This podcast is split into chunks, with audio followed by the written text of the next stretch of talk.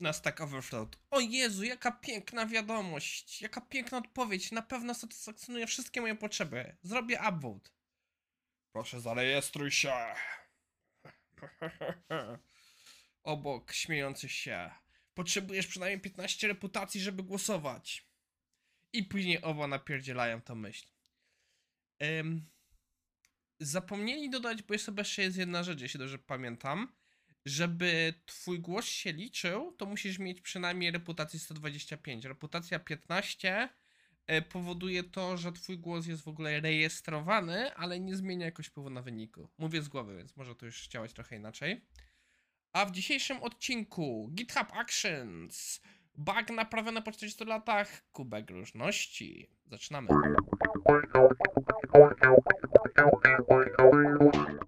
Dzisiaj jest piątek, więc będzie krótki, szybki odcinek. E, Pierwszym naszym artykułem na dzisiaj jest artykuł naszego stałego bywalca, Macieja, chciałem powiedzieć trojniarza, a to dzisiaj wyjątkowo nie trojniarz, tylko Maciej Kusz. Też nasz stały bywalec, był między innymi z nami na e, testowaniu API, link będzie gdzieś tutaj. E, I wyszedł z artykułem na temat CI/CD na przykładzie GitHub. Nie będę wchodził w część nad poświęconą GitHubowi, przeczytacie sobie, zobaczycie. Co mnie bardziej zainteresowało jest wprowadzenie. Maciek zrobił jedno z lepszych takich wyjaśnień, mimo że sam robiłem też takie wyjaśnienia, wydaje mi się, że zrobił to lepiej. O co chodzi w Continuous Delivery, Continuous Integration i czemu Jenkins w pewnym sensie traci na popularności, bo mimo dalej, że jest najpopularniejszym, to jednak e, rozwiązania SaaS go trochę wypierają. I on właśnie tutaj opisuje na swoim przykładzie Big bloga, jak to zrobił i jak po prostu używa GitHub Actions do deployowania swojego bloga. Autor tutaj właśnie idzie nie tylko w to, jak on po prostu z Actions korzysta, ale co mi się bardzo spodobało, wchodzi w dyskusję, czemu blog na GitHubie. Też kiedyś z nim gadałem na ten temat i wybór był dość oczywisty. No, oczywiste to może nie jest dobre słowo, ale w pełni dla mnie zrozumiane. Wybrał opcję, że właśnie WordPress, płatny hosting jest jednak. No, nie, nie spełniają jego potrzeb. Ja, mój blog staje mi na WordPressie. e, Kiedyś dużo tam robiłem, obecnie tak trochę jest, bo jest, że pewno podejrzewam, że mm, za jakiś czas możliwe, że będę z niego rezygnował, że po prostu zostawię właśnie te statyczne strony na GitHubie. No ale macie tutaj piękny właśnie wybór, jakie narzędzia patrzył, czemu z nich zrezygnował i dlaczego wybrał narzędzia statyczne. Później mamy przejście przez wybór narzędzi, z których korzysta. I y, część z tych narzędzi jest mi znanych, część nie do końca, ale co dla mnie najbardziej, przepraszam chwilę. Co dla mnie najbardziej, o Jezu, ale mi coś kręci w nosie, zaraz chyba kichnę znowu. E, zapadło w pamięć to, że korzysta z Obsydiana. Obsydian to jest bardzo ciekawe właśnie narzędzie do tworzenia notatek. ko- Działa na zasadzie, wymówię nazwę tą bardziej taką ludzką, second brain. Room Research też z tego korzysta. E, Na temat Z- Zettelkasten będziemy mieli jeszcze artykuł za parę dni. Myślę, że tak, e, nie wiem, za, no za parę dni najprawdopodobniej. W każdym razie jest w pipeline artykuł na ten temat.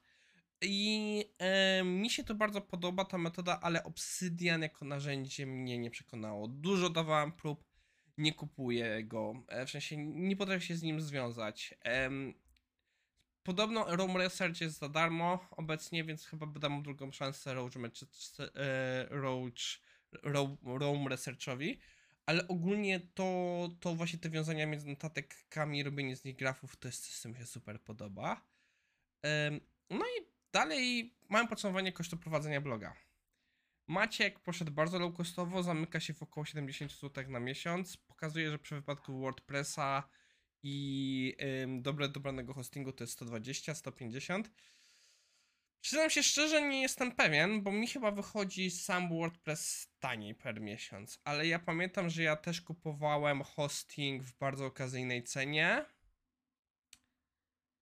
Ale nie pamiętam już, przyznam się szczerze, nie chcę się wypowiadać, nie pamiętam już, nie będę ukrywał, yy, nie pamiętam ile mnie to kosztuje. Na pewno koszt prowadzenia IT Morning całkowity jest o wiele wyższy niż to. No ale ja to traktuję, mimo że to jest hobby, to traktuję to jednak powiedzmy, no półprofesjonalnie to może przesada, ale traktuję to jako temat rozwojowy, dlatego też, no mam budżet, który inwestuję w to. E, Dalszą część już wchodzimy w dyskusję już samego GitHuba, konfiguracji. Tu się nie dzieje nic ciekawego. Jeśli po prostu chcecie skonfigurować i zobaczyć case study, które, co jest ważne, jest na faktycznym przykładzie, że ktoś używa faktycznego projektu i to robi, a nie po prostu kompletny sample odcięty od rzeczywistości, taki akademicki, to będzie dobre miejsce do tego, żeby to zerknąć. Wydaje mi się, że Maciek trochę za bardzo się poświęcił na pokazaniem rzeczy, gdzie są w UI-u. To spowoduje, że ten post może się dość dobrze, może się zbyt nie zestarzeć czasem. Ja już się przekonałem, że Azure parokrotnie zmienił swój UI od czasu, gdy zacząłem na nim pracować, więc może to się zestarzeć, ale wiadomo, pomysł dobry. Idąc dalej, ciekawa sytuacja, chyba mamy rekord w poprawieniu buga, bo deweloper naprawił błąd w, grze, w swojej grze przed 40 lat. W dużej mierze o co chodzi? W dawnych czasach, których ja nawet nie pamiętam, za młody jestem i nawet nie wiem, czy tak się działo w Polsce, yy, był magazyn jakiś hobbystyczny, gdzie można było dostać programy na zasadzie takiej, że były wysyłane, nadrukowane na kartkach magazynu. Jeśli chciało się je odpalić, to musiałeś je przepisać na, musieliście je przepisać na swój komputer. Czyli po prostu braliście magazyn i znak po znaku przepisywaliście ten program. No, ja pamiętam, że tak się trochę na początku uczyłem programowania z Komputer Świat. Tak się robiło jakieś Komputer Świat Expert Delphi. Tak był chyba kurs Delphi, mniej więcej tak działał. Z perspektywy czasu ten kurs był słaby, ale no. no wiecie, jak to było z takimi rzeczami. No i co się wydarzyło? Autor gdzieś po latach dorwał kopię tego magazynu. Do końca nie zrozumiałem, jak on to złapał, ale dorwał tą kopię i próbował sam zbudować ten program i okazało się, że nie działa. Okazało się, że w jednym miejscu, gdzie był ciąg znaków, coś źle zostało w magazynie wpisane. O, mamy tutaj przykład, jak to wygląda właśnie. Czy ja mogę to powiększyć, żebyście zobaczyli? To są wręcz instrukcje prawie jak assembler. Niestety nie mogę tego bardziej powiększyć. No i co zrobił? Wypuścił wersję gdzieś w necie z poprawionym tym znakiem. 40 lat na naprawienie baga. Ale fajnie, że go naprawił w ogóle. Dobra, więcej nie mam do powiedzenia na tym temacie. Artykule to zobaczycie. Na zakończenie, jak wiecie, jestem partnerem y, medialnym na y, Test2res. Zgłosiłem też jakąś tam prezentację, ale się nie dostałem do programu. I w ramach właśnie tutaj tego programu partnerskiego nie chciałem zwykłej wymiany banerów, więc dogadaliśmy się, że z Sebastianem zrobimy live'a. E, Będzie parę tematów. Po pierwsze porozmawiamy sobie trochę historycznie, jak zmienił się test 2RS przez lata. To jest taki temat, który mnie bardzo ciekawił, bo jak to się pozmieniało przez lata. Innym tematem też chciałbym przez to, że Seba jest na tym rynku długo, e, dużo widział, porozmawiać z nim, jak zmieniło się polskie testerskie community, tak subiektywnie z jego perspektywy, jak to wszystko wygląda.